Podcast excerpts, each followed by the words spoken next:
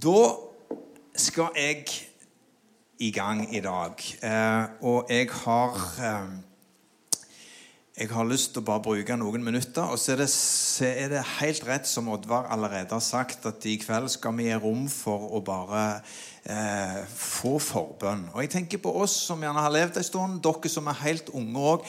Ikke vær beskjedne i kveld når vi inviterer. For at vi kommer til å stå noen folk her, trygge, gode folk, to og to i sammen. Kommer til å gå noe rolig musikk i rommet når jeg er ferdig å tale. Og så skal vi bare be om en fylde, en berøring av Den hellige ånd.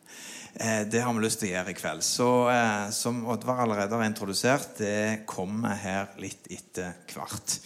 Vi er inne i en eh, Jeg vet ikke hvor mange måneder vi kommer til å snakke om dette, men vi kommer til å snakke en del om dette store oppdraget som Jesus har gitt oss.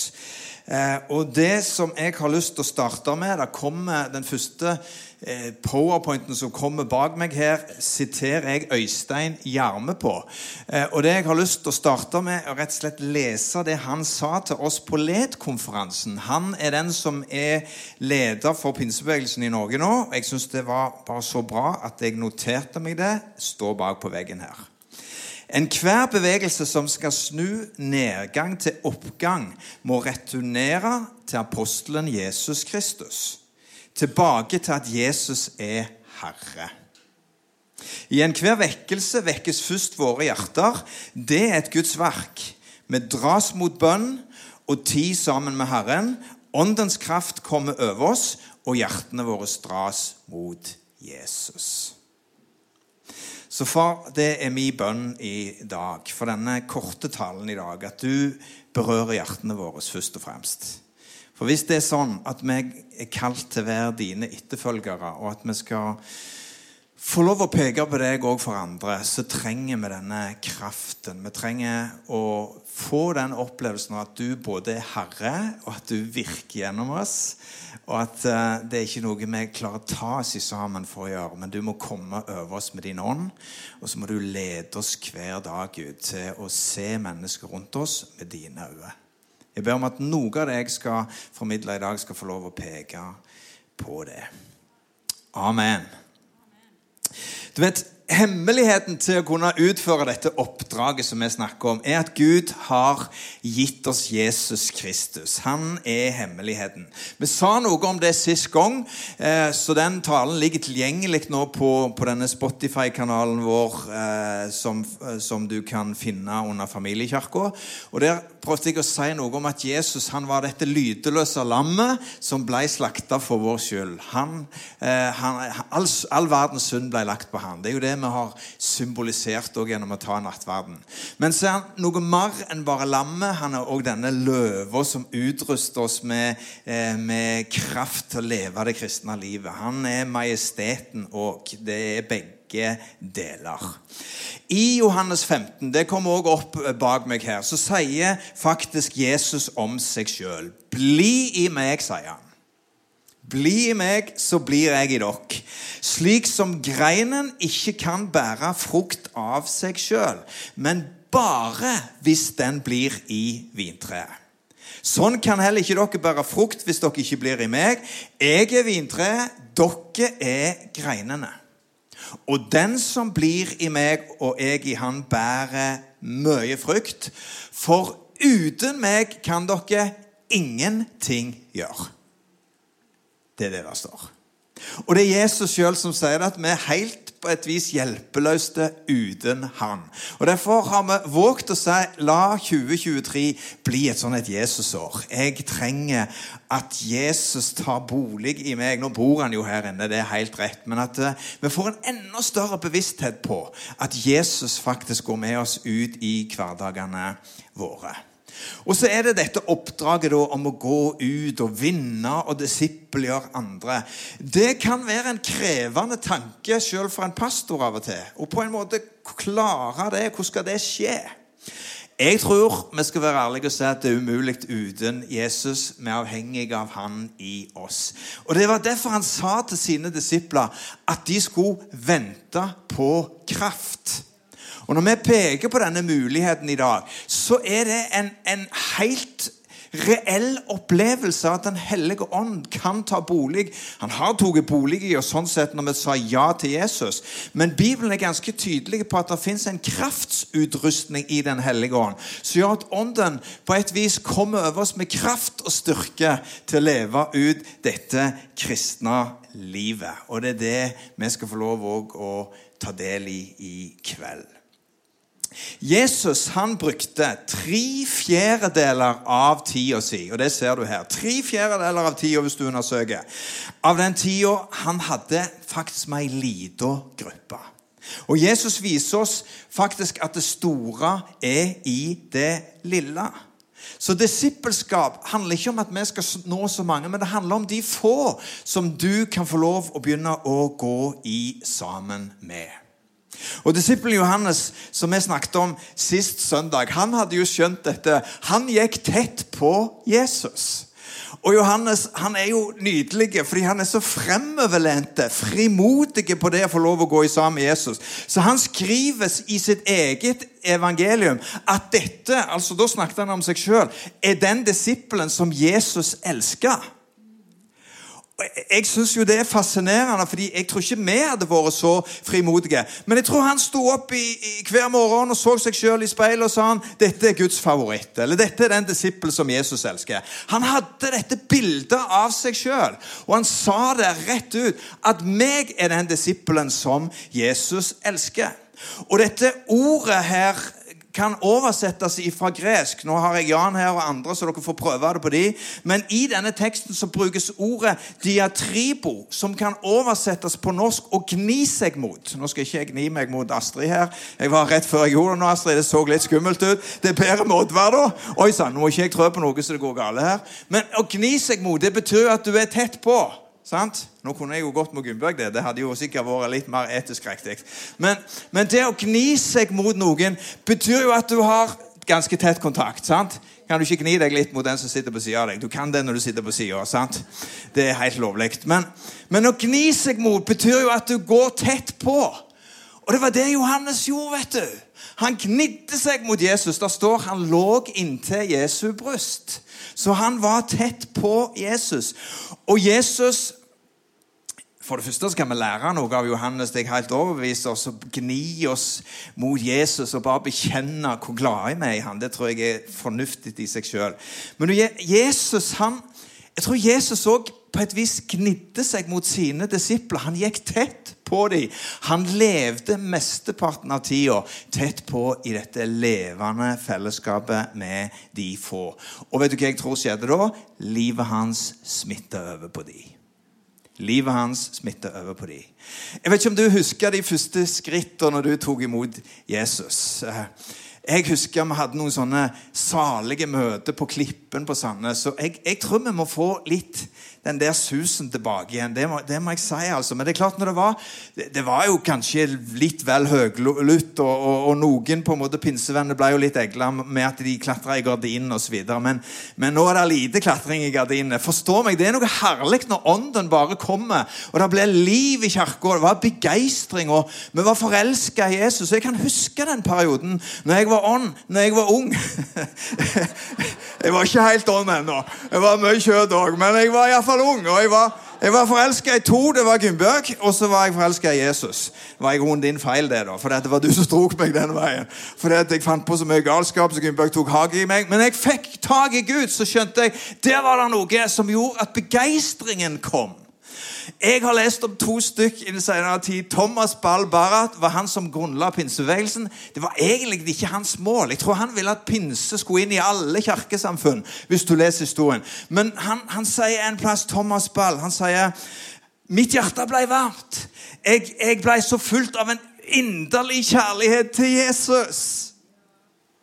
Det kom noe over ham. Og så leste jeg om eh, ateisten og Oxford-professoren C.S. Lewis. Jeg har snakket litt om Narnia her, fordi jeg er glad i det. Men C.S. Lewis var jo en tenker, men han skriver sjøl jeg ble motstrebende med inn i Guds rike. Men vet du hva som skjedde? Han ble en av de største trosforsvarere og apologeter som vi har hatt i verden. Etter et møte sa han med Jesu kjærlighet. Han klarte ikke å stå imot det. Og så ble han denne troskjemper som har fått lov å bety så mye for så mange. Og vet du hva jeg tror? Jeg tror vi trenger sånne Jesus-berøringer. Der hjertene våre igjen blir varme for Jesus. Det er denne hellige åndens berøring. Og så er det sånn med Den hellige ånd at han alltid peker mot Jesus peker ikke mot seg sjøl, men han peker oss mot Jesus. Og jeg trenger sånne berøringer. Jeg vet ikke hvordan det er med deg. Eh, det er kanskje lenge siden du òg bare kjent det der Wow, sant? Det der du vet, Nå må ikke jeg dra ut på alt mulig, for jeg lovte jeg skulle tale kort i kveld. Men, men eh, du vet, de gamle snakket om abbarykket. Det er jo, det er jo fremmedspråk for dere. Men det var de gamle pinsevennene og de ble skikkelig salige. Fikk så, Abba!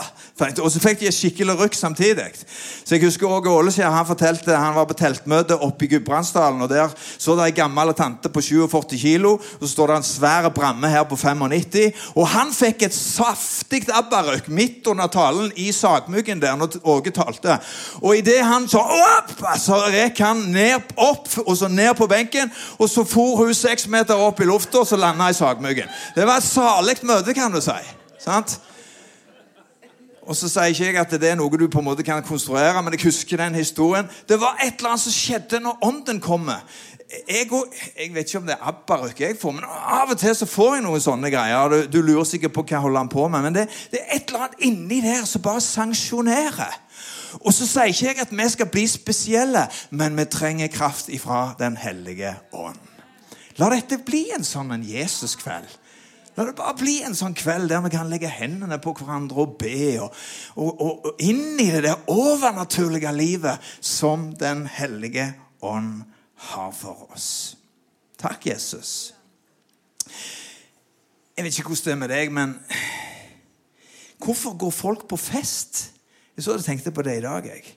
Hvorfor drikker mange alkohol? Det er jo fordi det beruser, er det ikke det, da? Sant? Og jeg skal ikke snakke ned verken fester eller sånn sett alkohol, selv jeg tror at vi skal være veldig måteholdne og, bevisste på det. Men jeg tror at det er en grunn til at folk går på fest og kanskje drikker litt, fordi det beruser. Og Paulus sitt råd var ganske tydelige. Drikk dere ikke fulle av vin, men bli full av ånden. Det betyr altså at vi har en kilde som er gratis, som vi kan drikke av, som gjør at vi blir berusa. Og vet du hva? Vi trenger det for sjelen. Skjønner du? Fordi er ånd, sjel og kropp. Og jeg tror på sånne møter der vi lar oss beruse igjen. Fordi det er ikke farlig. Det er noe som tilfredsstiller sjelen vår. Og vi trenger denne beruselsen i Den hellige ånd. Jeg vokste jo opp på Gandal. Det har jeg fortalt deg før. Og sprang på søndagsskolen, som alle gjorde på 60- og 70-tallet. Og så kan vi la oss på en måte frustrere over den situasjonen vi er i nå. Og så kan det føre oss inn i motløshet. Men vet du hva? Vi må bare søke Han igjen, for han vil utøse sin ånd over oss på ny.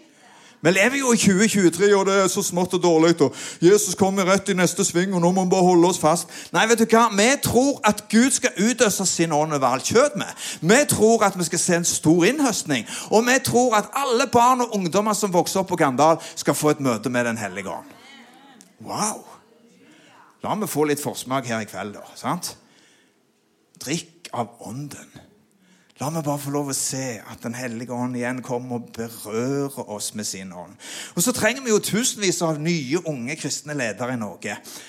Og så er det sånn at Jeg kan ikke gå med alle de, det kan ikke du heller, men jeg kan gå med noen få.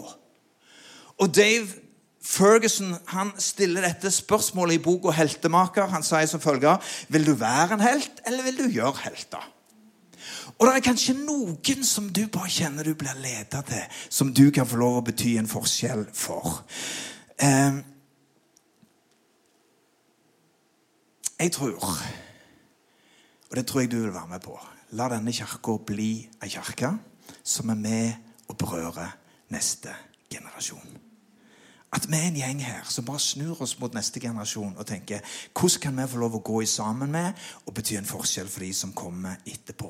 Det er sånn at Vår egen tid preges av egoisme og til dels ensomhet. Det sier iallfall mediene. Og i en kultur der vi ofte kanskje sier til unge som vokser opp i dag, at de skal tro på seg sjøl, at de er spesielle, at de er noe.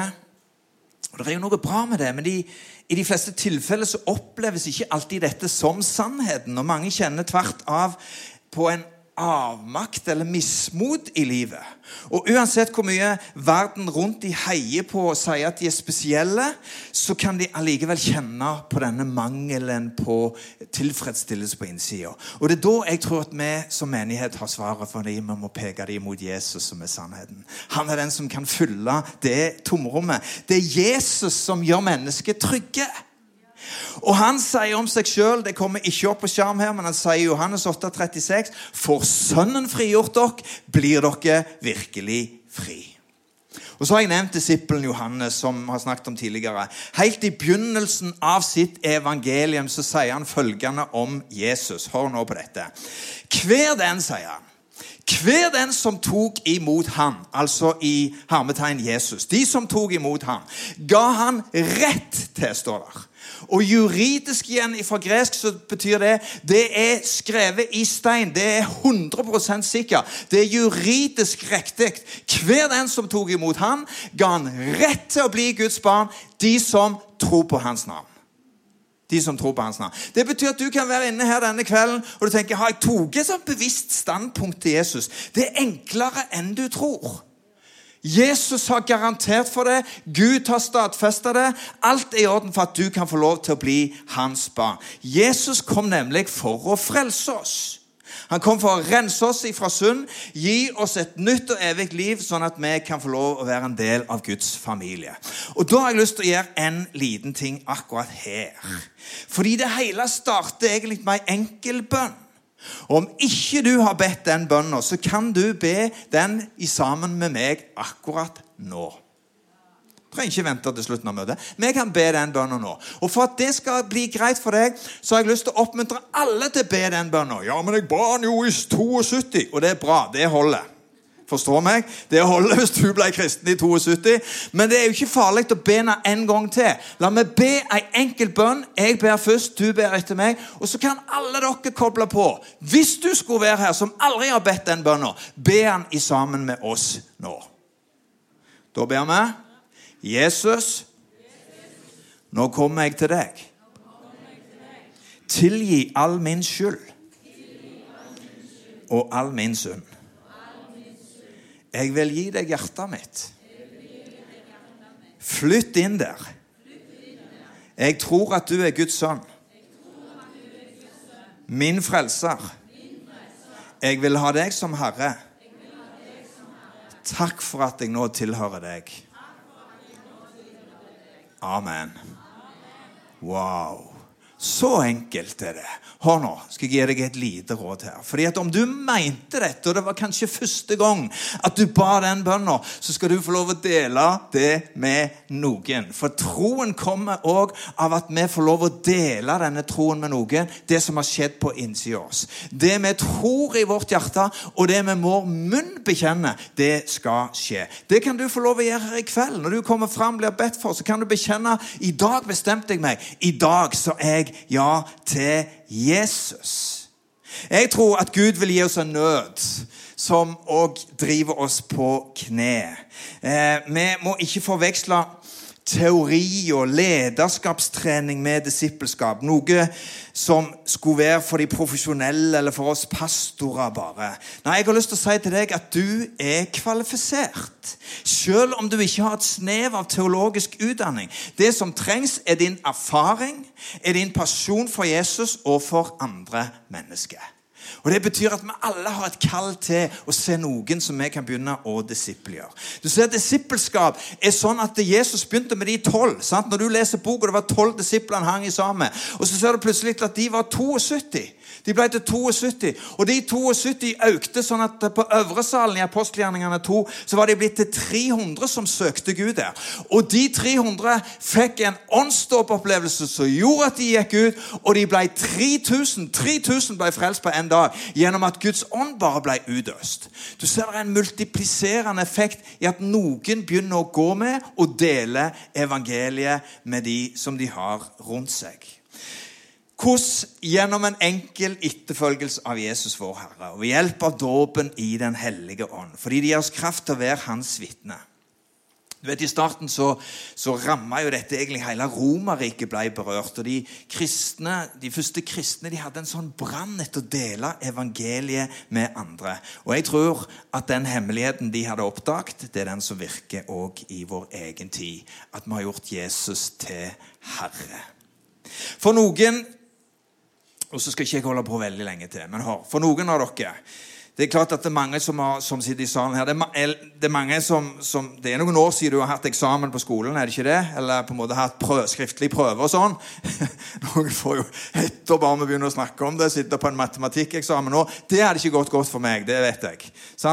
Men, men, du kan grue deg litt når du skal ha prøver og sånn. Men det, det, som er poenget mitt, det er at det, det som er viktig når du har en eksamen, er at du leser spørsmålet. For jeg har drevet meg ut på at jeg ikke jeg var så ivrig og bare begynte å svare. Og så svarte jeg på noe helt annet enn det spørsmålet faktisk handla om. Så det er riktig. Det som er smart for å få rett svar, at du faktisk har lest spørsmålet skikkelig. Om du har svart på spørsmålet, og du ikke har svart på spørsmålet, så blir det feil. Tok du den? Ja. Hvis du har svart på spørsmålet og til og med syns det var bra, men sensor sier du har svart på noe helt annet enn det jeg spurte deg om, så blir det feil. Så til dere unge det er smart å lese spørsmålet skikkelig. Hvor er det jeg vil hen? Jo, hva er det han har kalt oss til? Og da, David, får du hjelpe meg, for da skal vi ha opp Mattes 28. Snakket litt om det sist, men hør hva som står her. Fordi det er dette som er det store oppdraget. Og Det er derfor vi må våge å se litt på det. Det er det store spørsmålet vi faktisk er satt til å svare på. Da trådte Jesus fram og talte til dem. Jeg har fått all makt i himmelen og på jorden. Gå derfor og gjør alle folkeslag til disipler. Døp dem til Faderens, Sønnens og Den hellige ånds navn. Lær dem å holde alt jeg har befalt dere, og se, jeg er med dere alle dager inntil verdens ende. Jeg er her i dag fordi noen førte meg mot Jesus. Skal jeg gi en liten spørreundersøkelse her. Hvor mange av dere som er i denne salen i dag, tok imot Jesus og sa ja til han etter at dere var 25 år? Opp med ei hånd. Etter at dere var 25. Ok? Se det. Det er en del hender, faktisk. Nydelig. Hvor mange av dere tok imot Jesus før dere var 25 år? Opp med ei hånd. Ser dere det? Det er en ganske markant økning. At de som tok imot før de var 25 år, faktisk er flere. Da vil jeg du skal bruke to minutter, for dere heller stoppe opptaket hvis det må gjøres. Men bruk et par minutter på de, den ene eller to eller tre som sitter på sida av deg, og diskuter følgende akkurat nå. Hvem i din nærhet var det som gjorde at du ble drogen mot Jesus? Hvem kan du peke på i din omgivelse? Det kan være mor eller far, en søndagsskolelærer, whatever. Hvem var det som gjorde at du valgte å bli en kristen, eller tok det standpunktet? Slipp deg løs litt og prat litt om det. Wow. Jeg bryter dere av der, fordi dette kan dere prate litt mer om ved en annen anledning òg. Men eh, poenget er jo at det kan være ei mor det kan være en far, det kan være en tante, det kan være en nabokone, det kan være søndagsskolelæreren. Det kan være noen som bare kom opp i nærheten av deg, som faktisk begynte å lede deg mot Jesus. Poenget med det er at ikke gjør dette for vanskelig. Jeg har lyst til å si til deg, Det kan være noen som du bare enkelt kan lede noen skritt mot. Og så er det disippelskap i det. For disippelskap er ikke noe som, som, betyr at du skal måtte henge med dem i 24 timer i døgnet. Men du kan være en del av noen som begynner å lede noen mot. Og så er det flere som kobler på. Og så er vi flere sammen som leder mot noe. Og til slutt så vil du se at de blir en del av en familie som på en måte er med og hjelper til for å disippelgjøre. Så Sånn er det det virker. Og Jesus var helt bevisst til det når han hang og trente sine disipler. Du ser Vi har en visjon i denne kirka. Den kommer opp på veggen bak oss her. Der står det 'Jesus har fart'. Det er det vi ønsker å se. At mange skal få lov å erfare Jesus. Jesus har fart innebærer noe så enkelt som at mennesket tar imot ham. Jesus elsker er trinn nummer to. Du kan òg tenke trikanten i dette som vi har tegnet mange ganger. Opp imot Gud, få en relasjon med Han. Inn imot hverandre og fellesskapet, og ut til de som er rundt oss. Men i den erfaringsbiten av at Jesus er elska, så betyr det at vi får en åpenbaring av hans kjærlighet. Det kan du òg få her i kveld. At du skal få lov å få en erfaring av hans kjærlighet, og at du skal få en djup djup forståelse av hvem du er i Jesus Kristus. Og Den siste det handler om det vi snakker om nå, selve oppdraget. Og det har vi sagt noe om før. Du må være forankra i en trygg identitet. Forstå at du er elska av Gud. Og så blir det lett å gå med den kraften og peke. Se, jeg har funnet Jesus. Vil du òg smake og se hans godhet? Og Det store oppdraget er at vi alle kan få lov å gå ut og være de som vinner andre. Det er en som følger etter. Jeg eh, jeg så du tenkte på det her med å gå i lære. Det er jo det Jesus snakker om. sant? Går du i tømmermannslære, så henger du i sammen med han som er på en måte læremesteren din, og så bommer du litt av og til, men så blir du flinkere etter hvert å håndtere saga, og så slipper han deg mer og mer til. Og etter hvert så begynner du å mestre ting. Men så må du ikke bli altfor kjepphøy heller, for denne mesteren han kan antageligvis litt mer enn deg, så du våger å gå litt nær, og så bommer du litt. Kanskje får du litt kjeft og formaning òg, men etter hvert så blir du flinkere og flinkere. Og til slutt så er det noen som faktisk blir flinkere enn læremesteren sin. Vet du hva det betyr? At du går i sammen med noen som får lov til å lede deg mot Jesus. Vi går i lære i sammen. Så til slutt. Etter at Jesus hadde gitt sine disipler dette oppdraget om å gjøre disipler, så ba han de vente i Jerusalem på Den hellige ånd. Og Det var det som skjedde på pinsedag, at Den hellige ånd ble utøst. Og Så har vi hatt ei uke nå der vi har hatt bønn og, eh, og eh, fasteuke denne uka. Og vi har hatt tre nydelige kvelder her denne uka som var nå, der vi bare var i dette nærværet, fikk ord og skriftsteder til kirka. Så kom det fram én ting som jeg har lyst til å bare peke på før vi gir rom for forbønn nå. Og det var, det var, dette med tørst. Når vi er tørste, så vil vi drikke. sant? Og det jeg har lyst til å si til deg i dag. jeg, jeg jeg har lyst til å bare egge deg litt og la, kjenne litt etter. Er vi, er vi tilfreds, eller hadde det vært nydelig å bare drukke inn mer av Den hellige ånd. Og vet du hva som er nøkkelen? Det er at meg og deg er tyste. Den som er tørst, sier Jesus, han kommer til meg og drikker. Og Det er de siste to skriftstedene som kommer opp her.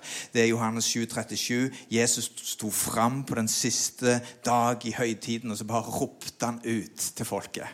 Og han sier som følger at den som er tørst, skal komme til meg og drikke. Og det ropet går ut, det går ut her i kveld òg.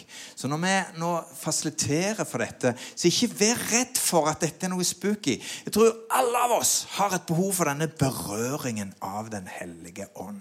Du kan sitte der du sitter og be sammen med noen, men du kan òg få lov å komme fram her og bare få denne berøringen av Den hellige ånd.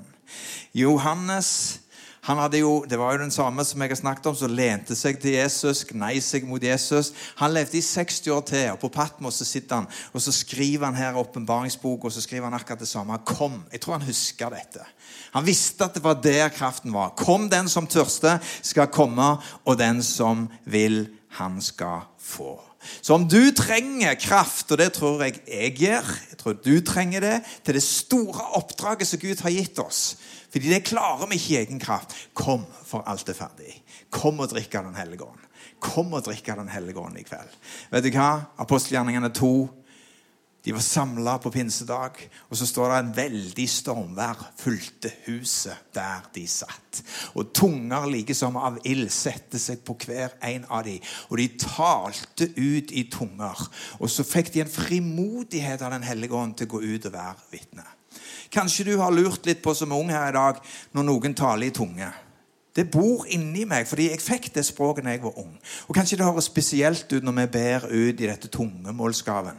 Sant? Men vet du hva? Dette er ord som Den hellige ånd gir. Så blir det en kraftstasjon på innsida av deg som du kan bruke til ditt bønneliv. Det er noe Gud gir for at du skal få kraft til skolearbeid, til ting du står i som kan være vanskelig i familien din. Kom og få smaken av Den hellige ånd.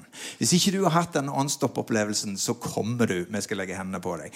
Trenger du en fornyelse i Den hellige ånd, så kommer du òg. Og så skal vi se hva Gud vil gjøre denne kvelden. Og alle folket sa? Amen.